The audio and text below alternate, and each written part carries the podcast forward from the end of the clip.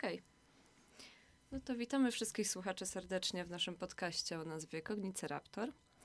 E, Słyszymy się już trzeci raz.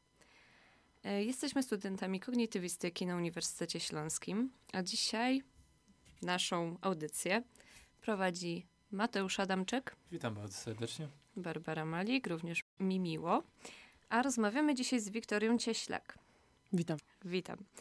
E, będziemy rozmawiali na temat Twojej pracy licencjackiej e, o tytule Wykorzystanie funkcji neurokognitywnych w szachach. Powiedz nam, e, skąd wzięło się Twoje zainteresowanie? Bo skoro napisałeś pracę licencjacką całą na temat szach, e, to na pewno się nimi interesujesz. No tak, gram w szachy w sumie od dzieciństwa. Zaczęłam w wieku 5 lat i dzięki mojemu tacie dalej w tym trwałam i on pomógł mi po prostu brać udział w różnych zawodach, pomóc stale trenować. Y, I jako, że w sumie ten sport też nie jest tani, więc wspomagał mi finansowo w tym, w tym temacie. Ale najważniejsze, że y, myślę, że szachy po prostu mają taki potencjał naukowy, dlatego też y, pozwoliłam sobie napisać pracę w takim, y, o takim temacie. Mhm. Y, myślę, że szachy po prostu mają duży potencjał y, w takich w możliwości właśnie różnych naukowych. Mhm. Okej, zrozumiałe. Z- Tak, Twoja praca to no. udowadnia zresztą, Tak. więc... No to zacznijmy może od takiego pewnego punktu wyjścia. E, tego, co możemy rozumieć przez to, że szachy to jest sport umysłowy. Y, W szachach myślę, że po prostu najwięcej używamy naszego umysłu, naszego mózgu, ponieważ y, w szachach nie, nie, nie chodzimy, nie biegamy tak jak w piłce nożnej, nie kopiemy piłki, po prostu siedzimy i myślimy po prostu nad tym, jaka pozycja stoi, co, może, co mogę dalej zrobić, co mogę, jak, to, jak to mogę rozegrać, y, jakie są możliwości. Więc y, po prostu używamy nie naszej aparycji fizycznej, a właśnie naszych umiejętności myślenia. Y, Przez co uważam, że określenie sport umysłowy jest tutaj jak najbardziej adekwatne, że, że różni się po prostu od innych sportów. Jest to chyba jak najbardziej zrozumiałe. E, wytłumacz nam proszę, czym są e, funkcje neurokognitywne, bo znajduje, to określenie znajduje się w samej nazwie, e, w samym tytule zasadniczo twojego licencjatu, ale o co z tym tak właściwie chodzi? Funkcje ko- neurokognitywne w sumie są same w sobie trudnym, y, trudnym pojęciem, y, tak myślę, ponieważ w samych jakichś takich polskich pracach nie mogłam tego znaleźć, jedynie w zagranicznych i w sumie pod pojęciem y, neurocognitive fun- functions, aczkolwiek nie było to pojęcie y, wyjaśniane, tylko po prostu używali tego pojęcia tak, jakby to było naturalne, jakby wiedzieli s- o co chodzi, a a sami tego nie wyjaśniali. Więc y, w Polsce możemy y, mówić na to. Dużo osób po prostu mówi na to procesy poznawcze. I w, a w sumie to nie do końca wyjaśnia, czym to właściwie jest.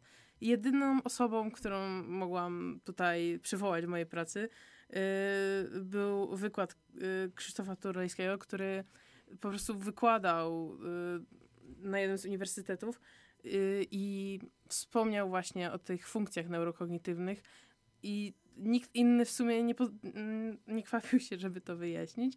A najważniejszy jest ten aspekt właśnie y, neuro, czyli że biorą w tym y, udział y, układ nerwowy i, y, y, i właśnie Mhm. te y, aspekty mózgowe, tak?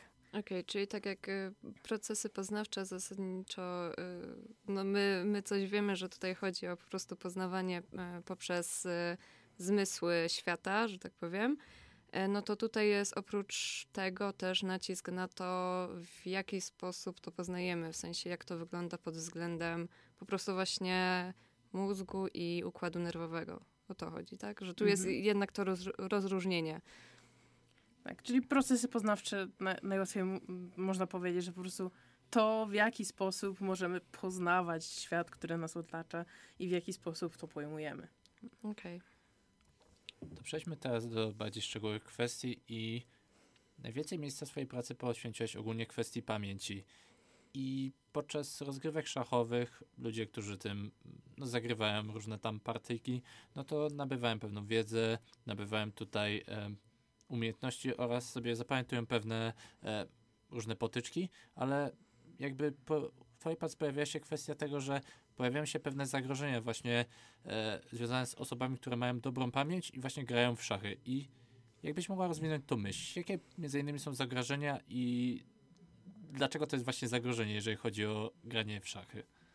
Znaczy, fakt y, pojęcia zagrożenia jest tu dosyć bardzo y, agresywnym pojęciem, że jest to tu użyte, ale myślę, że po prostu jest to pewne ograniczenie naszego umysłu, że cierpimy jakby z, z tego, że nie możemy wszystkiego pojmować, tylko właśnie mamy pewne ograniczenia, przez co jak za mocno próbujemy y, używać naszego umysłu, y, po prostu w kwestii pamięci za mocno zapamiętywać, że tak powiem, no to nasz mózg staje się zapchany i przez to obciążony.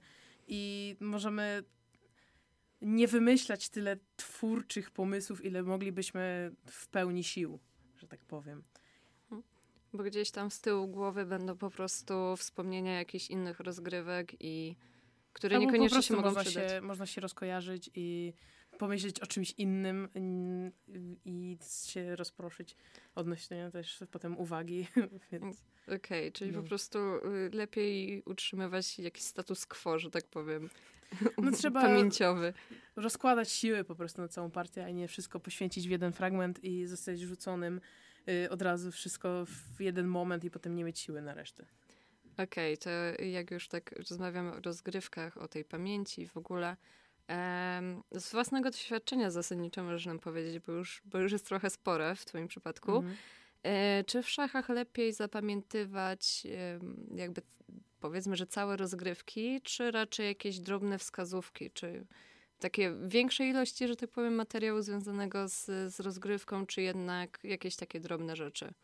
Znaczy, po pierwsze, y, y, nie ma sensu chyba zapamiętywać całej partii, aczkolwiek y, niektórzy to potrafią i niektórym to przychodzi bardzo łatwo. Na pewno zawodnicy na najwyższym poziomie nie mają problemu z przywołaniem jakichś swoich partii, aczkolwiek y, myślę, że najważniejsze, żeby właśnie a propos tego rozkładania sił, żeby skupić się na danym momencie, w którym jesteśmy teraz, żeby poświęcić y, uwagę na to, żeby y, no nie trzeba zapamiętywać wszystkiego, tak? Jakby to nie jest konieczne na tu i teraz. Się można przy- myśleć przyszłościowo, bo trzeba jakoś zaplanować. Od tego właśnie jest to myślenie, o którym tutaj y, jest mowa w całej pracy w sumie. Y, a odnośnie takich wskazówek czy schematów, no, sch- schematami to bardziej nazwę, wzorcami pewnymi, no to nie mamy pewne debiuty, czy tam otwarcie to się nazywa, y, które są na początku i są w pewnym momencie wyuczone, bo pozycja startowa stoi zawsze tak samo, więc w sumie każdy może się nauczyć tych początkowych ruchów bez y, jakiegoś konkretnego rozmyślania. Po prostu to już idzie od rączki, że tak powiem, z pamięci. Y, I nie trzeba tego się na siłę uczyć, po, znaczy nie trzeba na siłę myśleć. To po prostu Po Y, prostu jest. tak, po prostu jest w pewnym momencie. Albo potem, bo generalnie szachy, znaczy partia szachów jest podzielona na trzy etapy, tak mniej więcej. Debiut, czyli inaczej otwarcie, gra środkowa i końcówki, czy tam gra końcowa. Czyli podobnie jak w pracy pisemnej wstęp, rozwinięcie i zakończenie. I właśnie odnośnie tej gry środkowej, to tam też będziemy więcej myśleć niż w debiucie, ale najważniejsze jest to, y, że tam też mogą być pewne wyuczone schematy, jak na przykład jak ma stać dana figura, jak najlepiej y, rzucić się nią do ataku, jak inne figury pomogą innym, że tak powiem. Różne Mhm. motywy taktyczne, strategia, taktyka, wszystko to wchodzi w skład, który nam pomaga y, w trakcie y, partii. No tak, rozmawiamy tutaj o tym zapamiętywaniu, kwestiach samej nauki, ale jakie są ogólne zalety, jeżeli chodzi o to uczenie i zapamiętywania w kontekście między innymi gry w szachy, jak i ogólnej, takiej wychodzącej poza szachy? Y, Więc taka zdolność uczenia się i zapamiętywania ma.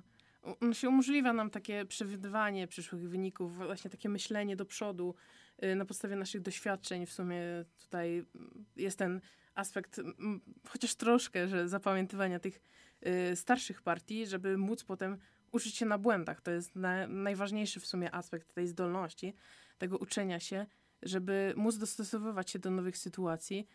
Y, nie bez powodu to jest taka powszechna y, możliwość analizy partii. Teraz jest tak rozwinięty y, informatycznie w sumie y, świat szachowy, że każdą partię można sobie przeanalizować naprawdę na najwyższym poziomie. Nawet może być za darmo, nawet to nas nie będzie nic kosztować, a, a można się nauczyć dużo więcej od komputera niż od człowieka i samo y, granie właśnie dzięki dzięki tym przeanalizowanym partiom można potem się nauczyć więcej, że po prostu... Co no, poprawić. Tak, co poprawić i potem na następny raz będziemy już wiedzieć i może nam się to właśnie przydać do tego uczenia się i będzie łatwiej. I znowu kolejny raz y, powiem, że będziemy potem tych zasobów naszych używać mniej, bo już się tak nauczyliśmy. Okej. Okay. W swojej pracy, właśnie w fragmencie, w rozdziale zasadniczo poświęconym e, pamięci, wyszczególniłaś y, jakby rodzaje pamięci, w sensie jej podział i też kategorie, z, y, przez które one się dzielą na te dane rodzaje. E, czy mogłabyś nam pokrótce coś o tym opowiedzieć? No to w sumie na wiele kategorii można by było podzielić pamięć. Najważniejszy, któremu poświęciłam, powiedzmy, że najwięcej w mojej pracy jest podział y, pamięci ze względu na czas przechowywania informacji i on tutaj się między innymi dzieli na ultra, pamięć ultrakrótką, krótkotrwałą i długotrwałą, y, ale także ujęłam y, podział pamięci ze względu na format przechowywanych informacji i można tu podkreślić pamięć semantyczną i epizodyczną oraz formę przechowywanych informacji, gdzie tutaj możemy wymienić pamięć deklaratywną i niedeklaratywną. I te kryterium właśnie y, utrzymywania się tego śladu pamięciowego ma tutaj właśnie największy wpływ, dlatego poświęciłam temu najwięcej. Okej, okay, po prostu najważniejsze w twojej pracy była pamięć krótko i długotrwała. Mhm. A jaka jest właśnie zasadnicza różnica pomiędzy tą pamięcią krótkotrwałą, a pamięcią długotrwałą? Y, bardzo często można spotkać y, takie Y, zdanie, że tutaj pod uwagę jest czas, czyli że no to działa krótko, a to działa długo. No nie do końca. Różnica tutaj jest taka, że mm, tutaj jest zależna pojemność jakby obu z tych rodzajów pamięci, więc pamięć krótkotrwała po prostu będzie tych, tą pojemność dużo mniej będzie tutaj potrzebować, tutaj po prostu zawierać, niż pamięć długotrwała, która w sumie charakteryzuje się tym, że y, trwa długo, nawet y, potrafi nie tylko, że y, minuty, godziny, ale nawet potrafi utrzymywać się przez lata. Potrafimy przywoływać nawet z najmłodszych lat wspomnienia, bo tak się trzyma w tej pamięci długotrwałej. Okay, czyli na przykład osoby, tak jak w twoim przypadku, grające od, y, od najmłodszego, no to jednak ta pamięć długotrwała. Jesteś sobie w stanie przypomnieć jakieś tam twoje początki, jakieś tam gdzieś pierwsze potyczki y, szachowe. Na pewno są dla niektórych takie partie, które po prostu pamiętać przez całe życie i się ich nie zapomni. Ja do teraz w sumie potrafię, no się mam jedną taką partię. Jak byłam na Mistrzostwach Polski do lat ośmiu, i po prostu grałam ze swoją koleżanką po prostu z województwa, gdzie do teraz potrafimy się spotykać na zawodach, a była taka partia po prostu, która tak wyparła takie wrażenie na mnie, że do teraz ją pamiętam i pamiętam w jaki sposób po prostu skończyłam tą partię. Więc to, to są I, Jaki był wynik, partii. że tak powiem? Z totalnie przegranej udało mi się wygrać. O, gratuluję. Dla takiego dzieciaka to po prostu to, to, to, to jest doświadczenie, którego się nie chce zapomnieć po prostu. No, nie dziwne, że aż tak e, zostało w twojej pamięci jednak na, na te lata. A wracając do tematu pracy, e, opowiadałaś tam, opowiadałaś, pisałaś e, w swojej pracy też o modelu pamięci Tulwinga i wspomniałaś, że jest on najodpowiedniejszy. Zasadniczo dlaczego? Dlaczego tak jest? Y, Tulwing wprowadza y, tak jakby koncepcję faz, przez co tak jakby on opowiada w jaki sposób y, różne doświadczenia nam się konsolidują w naszej pamięci. Także rozpoznał między innymi, że najpierw y, w pierwszej fazie spostrzegamy, potem tworzy się przez to ślad pamięciowy. Ten ślad pamięciowy się koduje w naszej pamięci. No i przez to, że następuje w kolejnej fazie tam rekodowanie, to uruchamiamy nasze zasoby pamięciowe, ale tutaj jest właśnie haczyk, że my możemy go uruchamiać albo nie. Bo to, co spostrzegamy, to w sumie, gdybyśmy uruchamiali cały czas te zasoby pamięciowe, to byśmy nie wytrzymali, byśmy wybuchli po prostu. Bo to jest tak, że musimy jakąś selekcję tego zrobić, co my chcemy w sumie y, sobie przypominać, co nie, żeby to znowu musimy sobie jakoś dzielić, co chcemy pamiętać i co chcemy, na co chcemy dawać siły po prostu, mhm. tak? No, więc w ostatniej fazie jest to ujawnianie zawartości pamięci w naszym zachowaniu, czyli przywoływanie, w jaki sposób to nasze y, spostrzeżenie w końcu dojdzie do naszego pokazania tego, świat, tego światu. E, ten model również chyba uwzględnia, jeśli dobrze pamiętam, e, możliwość jakby mm, zupdate'owania, że tak powiem, informacji, no nie? W mhm. pamięci, jeśli to, czy dobrze pamiętam po prostu. Tak się no tak, bo w sumie jeśli dojdzie do nas jakaś y, informacja właśnie przez to spostrzeganie, y, to ten, to te fazy zaczynamy się od nowa i znowu to samo, czy i znowu będzie te, ta, te same przejście przez wszystkie fazy, żeby dojść do tego, czy my chcemy y, zmienić nasze zachowanie, czy nie, względem tego, jak, jakie do, bodźce do nas do, do, doszły. Mhm. Zanim szachiści zaczną e, daną rozgrywkę, to też muszą się w odpowiedni sposób przygotować. I jakbyś mogła pokrótce przedstawić, jak wygląda to właśnie takie pamięciowe przygotowanie się właśnie tego danego szachisty do rozgrywki, do partii, którą ma w dan rozegrać w danym momencie? No najwięcej w sumie takiego przygotowania do partii autentycznie to ma się do tej partii, takich partii klasycznych, bo one trwają y, do paru godzin, mm, bardzo długo po prostu, więc y, oboje, obie ze stron w sumie, i biały i czarny, zależnie kto kim gra oczywiście, to y, będzie przygotowany na wiele aspektów. Trzeba go zaskoczyć, trzeba, trzeba coś przygotować, może popatrzy na to, co już grałam, trzeba wymyślić coś innego w większości w przygotowaniu właśnie szachistów bierze się pod uwagę, y, jakie otwarcie wybrać, czyli po prostu na co tutaj położyć nacisk. Wiadomo, białemu łatwiej się przygotować, bo zaczyna, więc y, tutaj będzie mieć większą możliwość, jeśli o to chodzi, wyboru debiutu, czy tam otwarcia właśnie. Więc y, takie przygotowanie w szachach klasycznych jest ogromnie ważne, bo w sumie debiut otwiera nam całą partię, więc dzięki temu będziemy mogli Y, dojść do samego, y, do samego końca, nawet dzięki temu naszemu przygotowaniu samego debiutu. Okej, okay, jest to jak najbardziej y, zrozumiałe zasadniczo. E, w swojej pracy powoływałaś się na bardzo dużą, bardzo dużą ilość badań. E, czy możesz e, przywołać jakieś badanie związane właśnie z, na szachistach oczywiście, związane z ich pamięcią, sprawdzające ich, ich pamięć?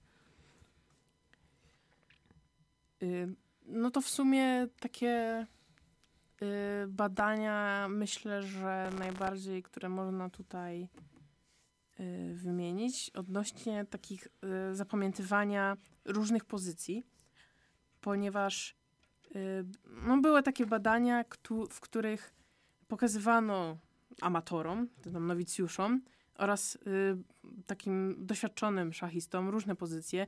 Były to pozycje albo ustrukturyzowane, albo właśnie były porozstawiane w losowych pozycjach, takich totalnie y, rozrzuconych, y, mhm.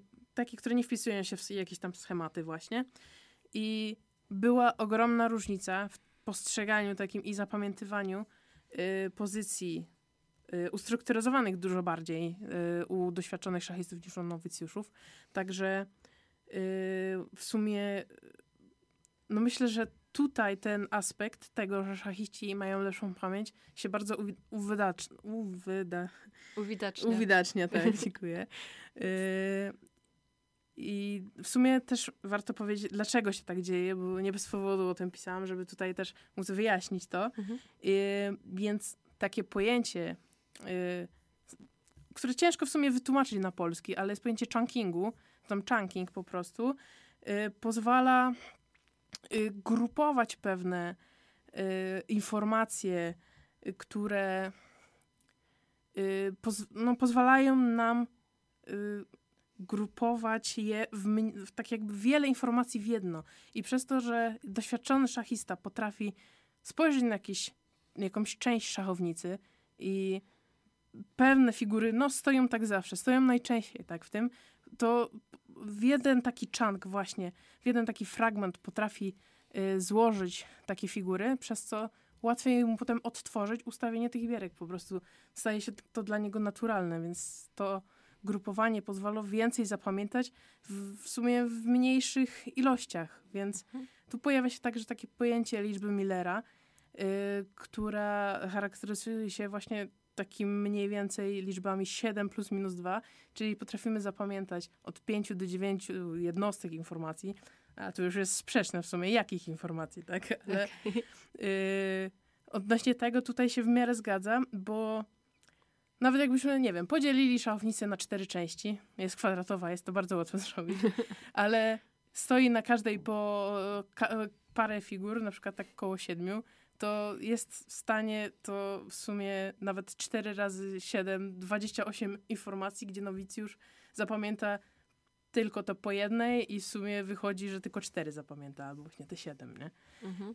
Czyli coś tak jak y, bardziej potocznie się mówi o takim szufladko- szufladkowaniu informacji, że tak powiem. Coś, coś Mhm. podobnego.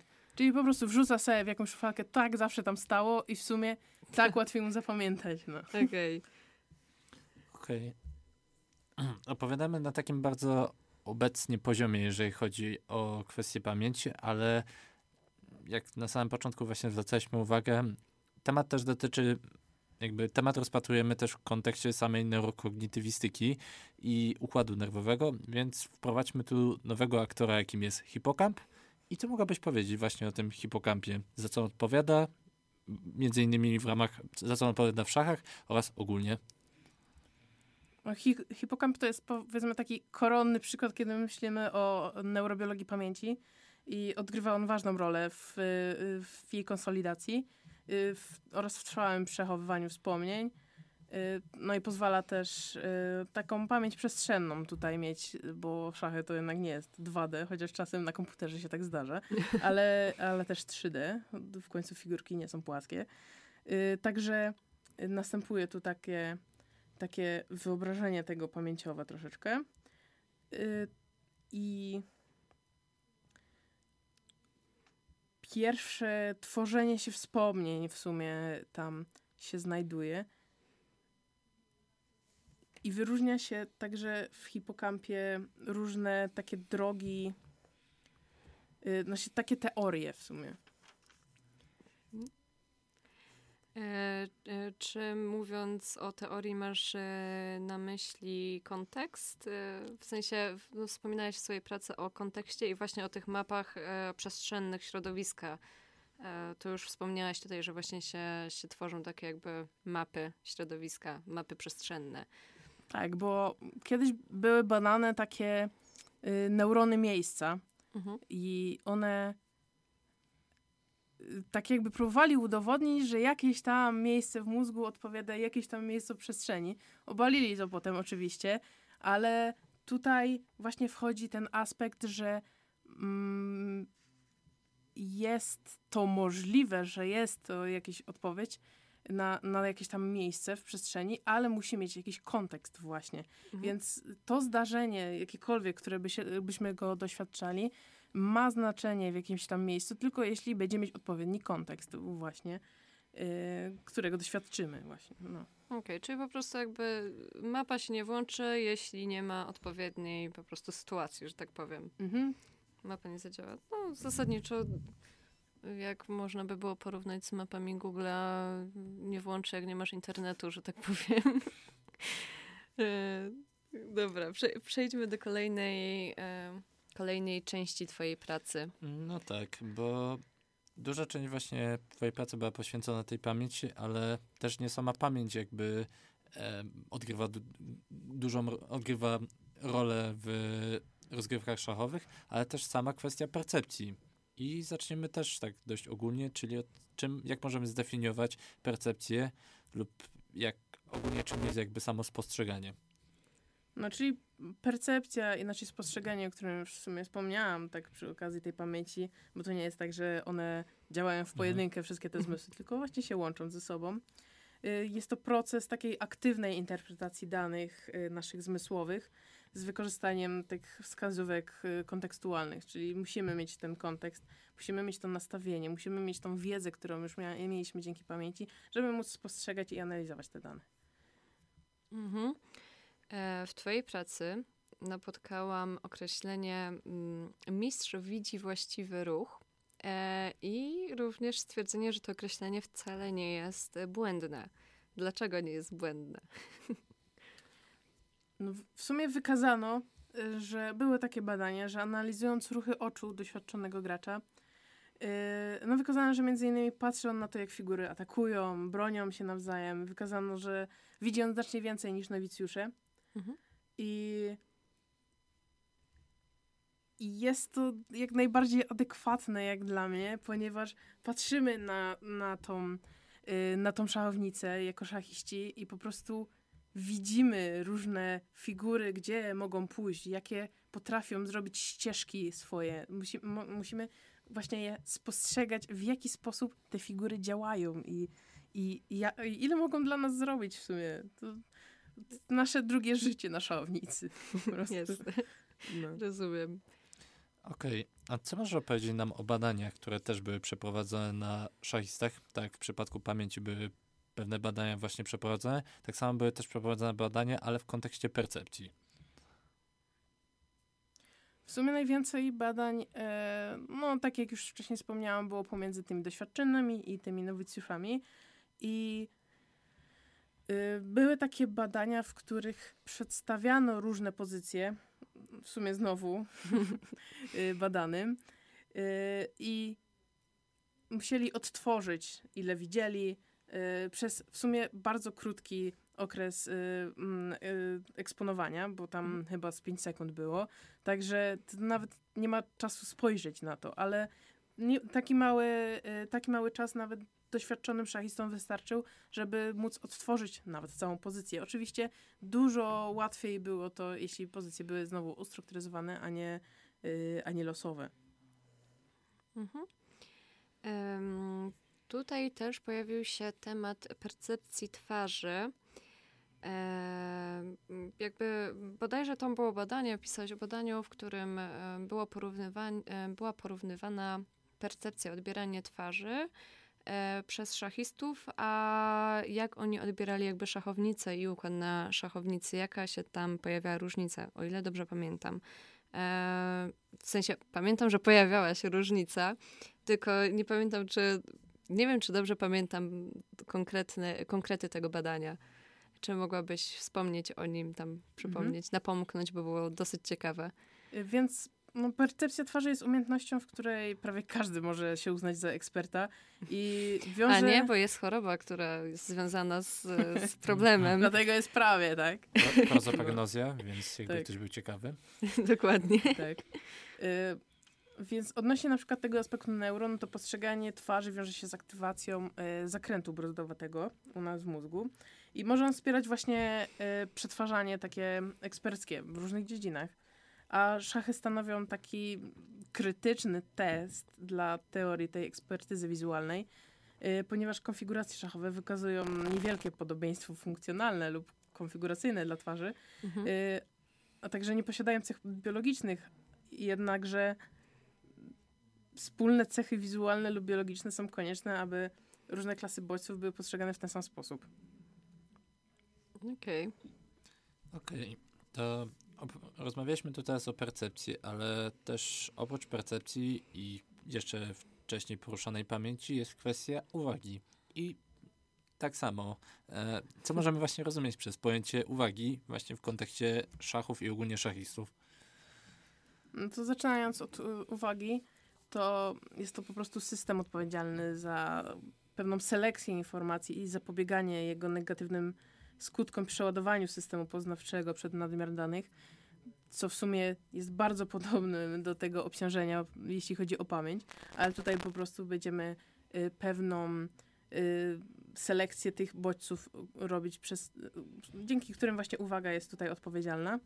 I uwaga jest ważnym pojęciem w szachach, ponieważ szachy, szachiści muszą być po prostu w stanie wykryć różnego rodzaju możliwości i zagrożenia.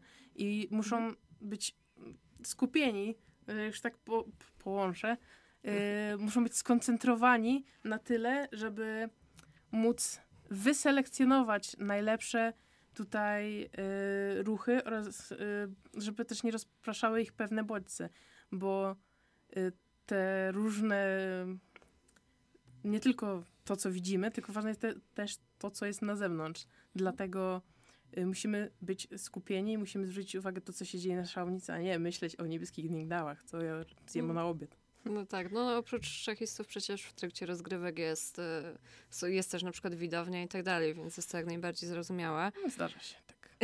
Zdarza się, bywa i tak. E, no i niewątpliwie też uwaga łączy się z koncentracją, o której też za chwilę porozmawiamy. E, I wspominałaś o selektywności uwagi, właśnie tego, tej filtracji, że tak powiem, e, mm, tych szumów, że tak powiem, w tle tych rozpraszaczy. I pojawiła się, pojawił się temat teorii filtrów i modułów.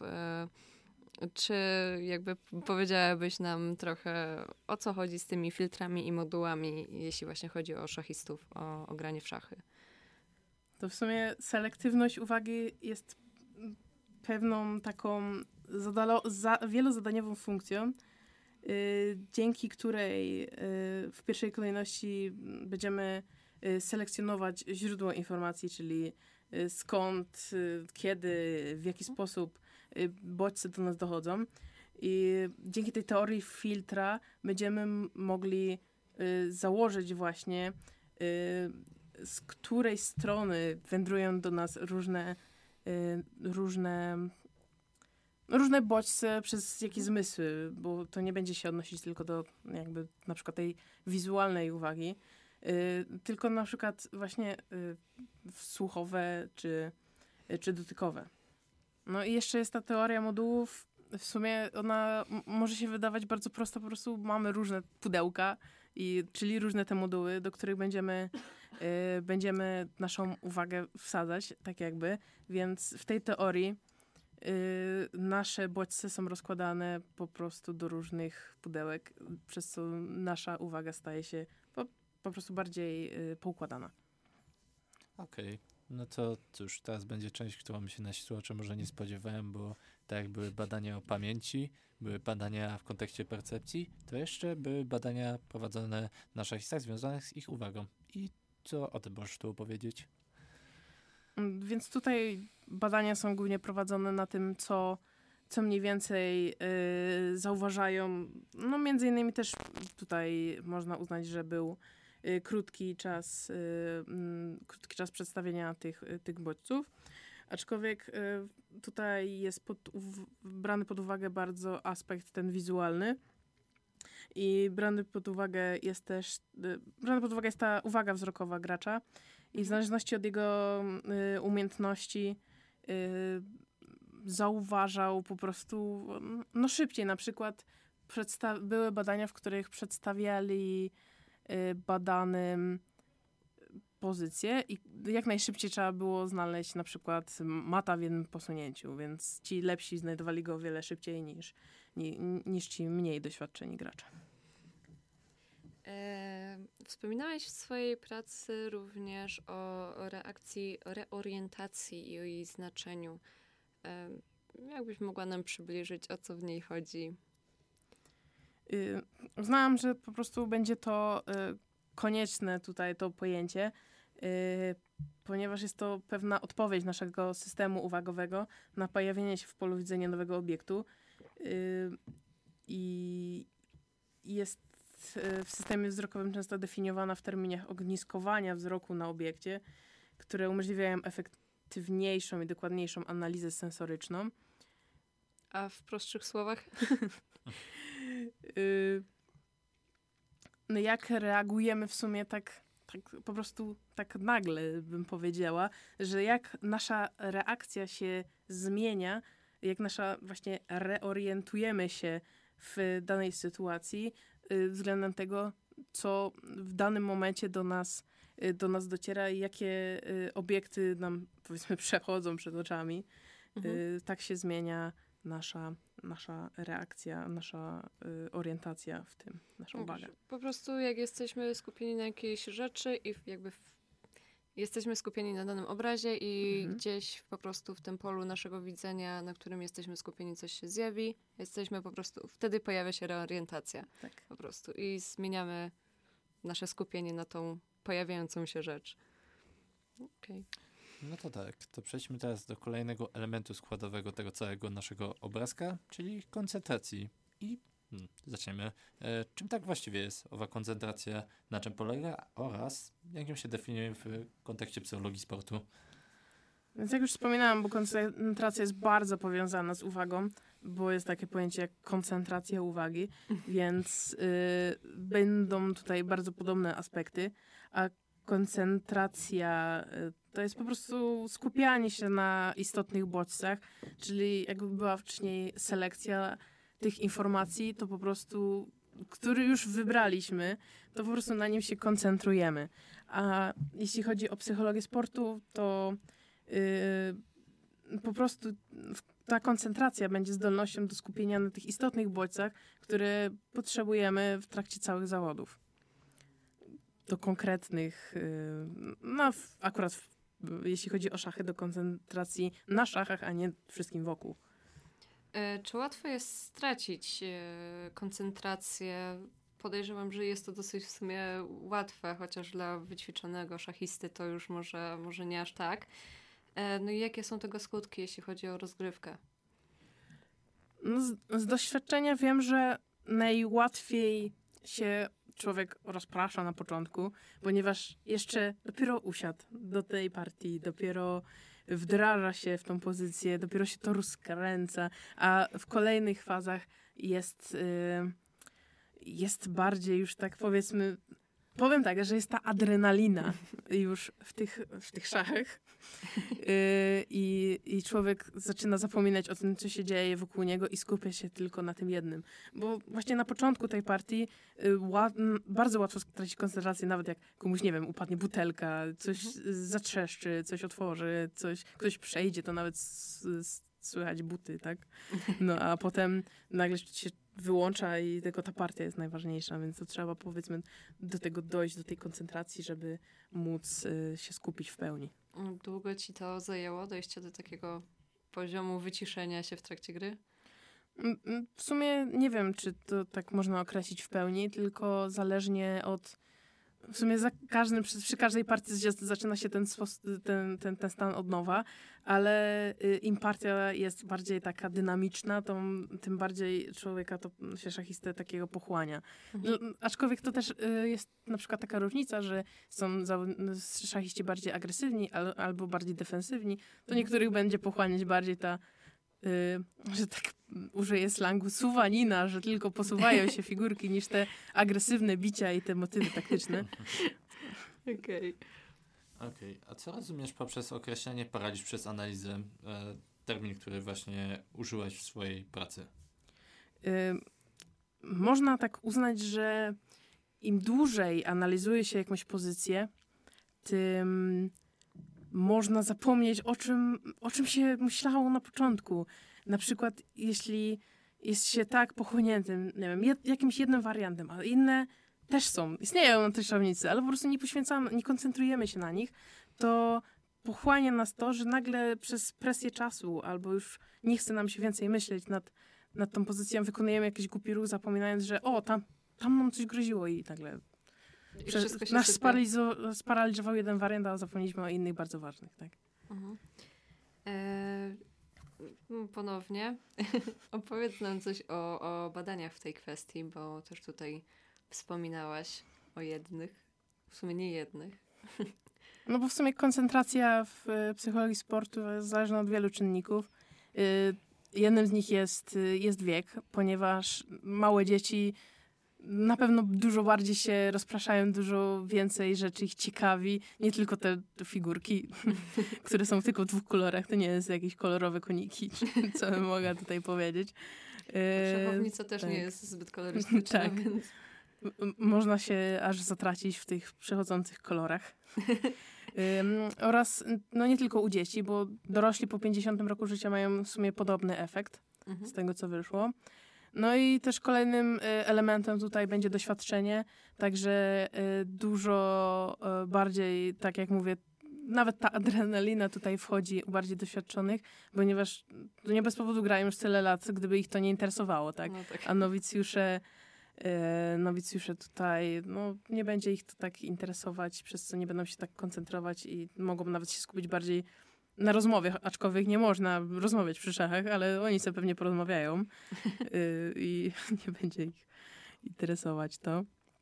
No i jeszcze na, koncentra- na koncentrację bardzo wpływa zmęczenie, ponieważ jak, y, jak człowiek zmęczony przyjdzie do partii, no to nie poświęci tyle tej siły, tyle, y, tyle tej energii na, na koncentrację, bo ta koncentracja jednak jest bardzo wyczerpującym aspektem, żeby cały czas trzymać tą koncentrację, jednak trzeba sobie jakoś podzielić tą siłę na te wiele godzin grania. To też na kolejne pytanie i teraz to będzie pytanie dotyczące, by się wydawało, dość ogólnej kwestii, jaką jest myślenie. Nie jest to tak bardzo sprecyzowany termin jak w po, przypadku pozostałych e, elementów, ale na czym polega właśnie owe myślenie i czym jest tak zwane metapoznanie? Myślenie jest to pewien proces y, łączenia takich elementów y, tej y, naszej reprezentacji naszego świata, między innymi właśnie przez te zmysły. Więc myślenie pozwala nam tu połączyć te, o czym już tu mówiłam, te wszystkie bodźce i doświadczenia, przez, które dostaliśmy przez tą pamięć, percepcję i uwagę. I pozwala nam tworzyć takie ciągi myślowe, po prostu to, co my dostaliśmy, wykorzystujemy w formie tej, tej myśli i przekształcamy w pewne rozumowanie i, i pozwala nam to uczestniczyć jakoś y, w naszym rzeczywistym świecie fizycznym lub społecznym. Y, I trochę nam to też ułatwia odnośnie ponoszenia tych kosztów takich y, wysiłkowych, bo jak będziemy myśleć, że tak powiem po prostu, to, to będzie nam łatwiej w życiu. Dla niektórych to może być czasem za trudne nawet. E, a metapoznanie? Y, no to tutaj odnośnie tego myślenia o naszym myśleniu, y, w sumie no, mówimy o myśleniu, ale żeby napisać ten rozdział też musiałam coś pomyśleć, żeby, żeby to napisać. Także to metapoznanie, takie od podszewki, że tak to mhm. nazwę, odnosi się do takich pytań jak y, jak powinienem poradzić sobie z tym, jak, e, z tym położeniem czy jaką strategię rozwiązywania problemów powinienem przyjąć, powinienem, powinnam przyjąć. Y, także po prostu to jest taka nasza refleksja nad tym y, procesem myślenia, która przydatna będzie do oceny tych własnych dokonań. E, w swojej pracy mm, pisałaś również o jakby składowych częściach myślenia, e, a również e, porównywałaś jakby skojarzenia a wyobrażenia. Wskazywałaś różnicę między skojarzeniami a e, wyobrażeniami. Też właśnie no, w głównej mierze, jeśli chodzi o, o szachistów, jak to wygląda u szachistów. Opowiedz nam coś więcej na ten temat. Y, to w pewnym sensie jak są skojarzenia, to będziemy, tak jak w przypominaniu sobie y, z pamięci, będziemy kojarzyć to, co już było i wymyślać to, co, to, co będzie, mhm. że y, będziemy kojarzyć te pozycje, będziemy je sobie przywoływać i dzięki temu, co teraz stoi, czyli znowu będę łączyć tą pamięć z percepcją i uwagą, będziemy sobie wyobrażać, jaki plan obrać właśnie, jaki, y, co, y, co sobie mogę wyobrazić w tej partii, co ja chcę zrobić. Mo można sobie historyjkę wymyślić nawet. Co, co, jaki ja chcę plan, czy ja chcę jednak wygrać, czy może jednak sobie pomęczę przeciwnika, tak? Poznęcam się. Tak, poznęcam się. Wspomniałeś w swojej pracy też o szale na ślepo i chyba wybrzmiał już ten termin, ale jeszcze go to właśnie nawiązuje do niego i wraz z tym terminem właśnie tych szachów na ślepo wiąże się też kwestia tak zwanych procesów, e, procesów wyobrażeniowych szachistów i o co z tym chodzi? Jakbyś mogła nam to bardziej tą kwestię przybliżyć? E, szachy na ślepo są na tyle specyficznym rodzajem szachów, że nie, nie potrzebujemy nic innego oprócz naszego umysłu. I tutaj e, dla nowicjuszy jest to, mogłoby być to bardzo ciężkie zadanie, zagrać całą partię na ślepo, ale bardziej doświadczeni już no, będą mieć z tym mniejszy problem.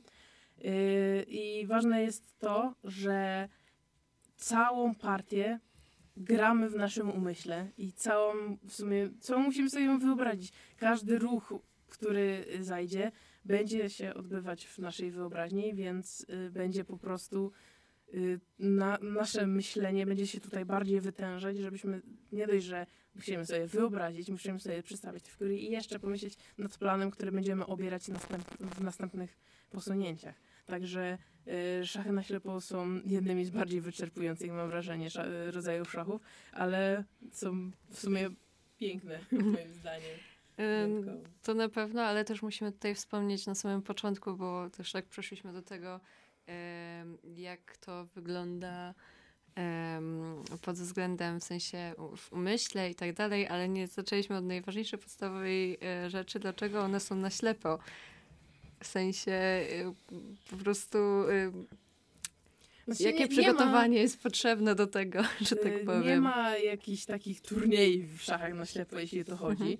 Y, Jest to bardziej w formie takiego treningu, że jest wtedy łatwiej, jak zagramy sobie taką partię szachów na ślepo, to y, będzie nam łatwiej myśleć potem w, w takiej partii, więcej wymyślamy, więcej widzimy, może będziemy mieć po prostu więcej, będziemy więcej widzieć w naszej głowie, y, a nie możemy sobie przedstawić tego po prostu wszystkiego na szachownicy, żebyśmy to widzieli, tylko musimy to widzieć w głowie właśnie. To jeszcze zapytam tak z ciekawości, już tak ostatnia kwestia jest, jeżeli chodzi o szachy na ślepo, to ogólnie przewija się cały czas mm, ten motyw, że jakby wystarczy tylko jeden szachista, który rozgrywa sobie taką partyjkę, ale czy jest taka możliwość, że na przykład jest dwóch potencjalnych szachistów, którzy na przykład po prostu, nazwijmy to, raportują, czyli dają znać, że na przykład e, wykonują jakiś ruch i na przykład druga osoba, która też gra, e, ten drugi szachista, który gra właśnie te szachy na ślepo e, i też, że tak powiem, mówi kolejny ruch. Czy jest taka możliwość, taki wariant szachów na ślepo, czy jest to bardziej dedykowane dla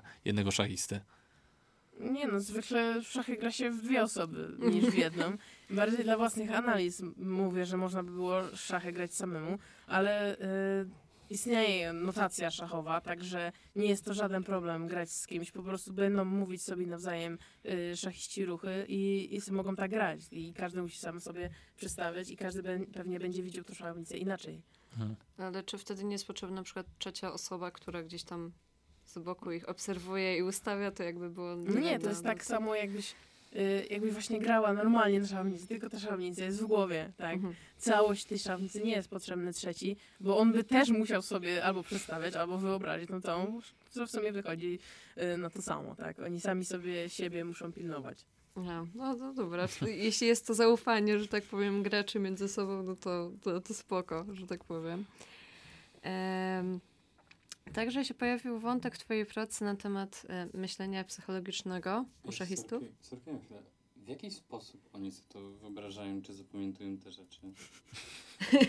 W sensie, z, jak, nie, no nie zapamiętasz całej szachownicy? Da się nie? zapamiętać całą szachownicę. Całą szachownicę Tak. z wszystkimi położeniami? Czy Tak. oni to raczej zapamiętują takie, wiesz, kluczowe ruchy, które ktoś tam wykonał? Nie no, gramy całą partię, czyli każdy ruch po kolei, tak? Także każdy ruch sobie przedstawia, tak, nie wiem, ja na przykład No, widzę w 2D, Mhm. moim zdaniem, po prostu ja sobie tak widzę. Jak ktoś mi powie ruch E4, no to widzę, że pionek się porusza o, o dwa pola i każdy kolejny ruch, który mi powiedzą, też sobie jakiś przedstawiam. No, ale w pamięci musi zostać cała... cała wszystko właśnie o to chodzi, dlatego to jest takie wyczerpujące. Kurwa, jest... Dużo materiału, który będzie lecieć. No to było moje pytanie. Wracajcie do podcastu. Spoko. Yy, aha, dobra. Yy, wspominałeś w swojej pracy o myśleniu psychologicznym szachistów yy, i walce psychologicznej. Jest to dosyć ciekawy wątek tej walki. Dość drastyczny, tak. No bo w sumie Dosyć sama, sama walka taka e, szachowa nie odbywa się tylko na szownicy. To nie jest tak, że wszystko jest takie suche, że tylko figurki się, się poruszają. Mimo, że może się wydawać z boku, nie? Tak, Osobom tak. obserwującym. No. no każdy z boku potem jest mądrzejszy, wiadomo, e, ale chodzi o to, że wchodzi tu taki aspekt psychologiczny, ponieważ e, oprócz e, samej wiedzy, którą trzeba mieć do takiej partii, to trzeba między innymi, jeśli znamy tego przeciwnika, to pomyśl, to pewnie będzie, będą się przewijać takie w naszej głowie, czy on, może on jest lepszy, na pewno się lepiej przygotował, yy, przecież ja przegram. Jakby takie nastawienie do samej partii też bardzo mocno wpływa. Albo zagram jakieś ruchy, które właściwie może nawet będą słabe, ale yy, tak bardzo je zagram odważnie, że przeciwnik pomyśli, o przecież to musi być dobre, bo on to odważnie zagrał, czy coś w tym stylu, Mhm. jeśli to zauważy, bo mimika i gesty, to też będzie zawodnik siedząc naprzeciwko, będzie to, to widział, co się dzieje. Także myślę, że po prostu takie, ten aspekt psychologiczny jest bardzo istotny w tej, y, w tej walce szachowej, więc y, nie tylko walka dzieje się na szachownicy, ale też poza nią. Mhm. Czyli tą walką y, psychologiczną jest właśnie takie gdzieś podejście, że a zrobię ten ruch, y, zobaczy, że jestem, nie Mhm. wiem, jakiś groźny, mimo że nie jestem aż tak groźny, tak? Tak, To jest tak. ten deseń. I ostatnią kwestią, jaka została nam w ramach myślenia, to czym jest, albo na czym polega myślenie intuicyjne. Y, Bardzo lubię to określenie intuicja, ponieważ y, myślę, że bardzo nim się na nim polegam w szachach. Y, No w sumie tutaj polegamy bardziej nie na wyuczonych schematach, nie na jakichś wyuczonych otwarciach, bardziej o tym, na tym, co czujemy, że będzie dobre. Czyli taka nasza intuicja, że takie ruchy powinien zagrać, uważam je za najlepsze. Yy, więc takie myślenie intuicyjne czasem, czasem może być zgubne, aczkolwiek yy, często mówi się, że no, pierwsza myśl jest najlepsza, także yy, takie myślenie intuicyjne może sprawić, że tak właściwie nawet lepiej nam to wyjdzie, że też odnośnie tej walki psychologicznej pewniej to zagramy niż, niż gdybyśmy się wahali i poświęcali dużo energii na, na rozkminianie każdego wariantu z osobna. Podejrzewam, że też jeśli chodzi o myślenie intuicyjne, no to jednak jest ono bardziej trafne, jak jesteś bardziej doświadczony. Mm. No Bo jednak nowicjusz że da sobie, gdzie będzie chciał i jednak no, nie wyjdzie po tej myśli. Tak, tego myślenia intuicyjnego bardziej w tych szybszych sza- szachach trzeba używać, bo tam nie ma już po prostu czasu na, e, na myślenie nad wszystkimi możliwymi wariantami, tylko tam już trzeba grać na czuja. że tak. No. Cześć. E, jeszcze jakby już do, do, dosłownie był jeden z ostatnich elementów twojej pracy, czyli e, badania, które jeszcze wymieniałeś na koniec. Co prawda bardzo ich dużo było w samym ciągu pracy, ale podejrzewam, że po prostu największe smaczki zostawiłaś na sam koniec. No bo chodziło mi o to, że w niektórych badaniach, które wcześniej ujęłam, były konkretnie badane na przykład tamte badania były do pamięci, te do percepcji, te do uwagi, a w tych, e, w osobnym rozdziale, który ja z tych badaniami, chodziło mi o to, żeby podkreślić ten aspekt łączenia tych różnych e, zmysłów razem. Czyli, że nie jest brany pod uwagę jeden aspekt, tylko właśnie wiele tych aspektów naraz. E, Więc w jednym z tych e, badań brano pod uwagę fiksację wzrokową albo właśnie mniej więcej na takim eye trackingu, więc gdzie nasz wzrok poszedł i w sumie co widzieliśmy i co z tego zapamiętaliśmy. I y, odnośnie jeszcze tego aspektu neuro, no to był tam y, aspekt, co w sumie wyszło na tym, co widzieliśmy y, na y, różnych takich aparaturach.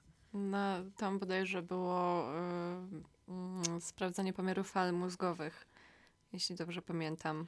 Mniej więcej y, chodziło tam, które elementy mózgu, które struktury bardziej się uaktywniają podczas, y, podczas jednych takich zadań, a, a jak jest podczas innych. I w sumie też tu także chciałam podkreślić ten aspekt nowicjuszów i doświadczonych graczy, że jak to widać tą różnicę y, ty, tych aktywacji różnych miejsc właśnie u tych grup.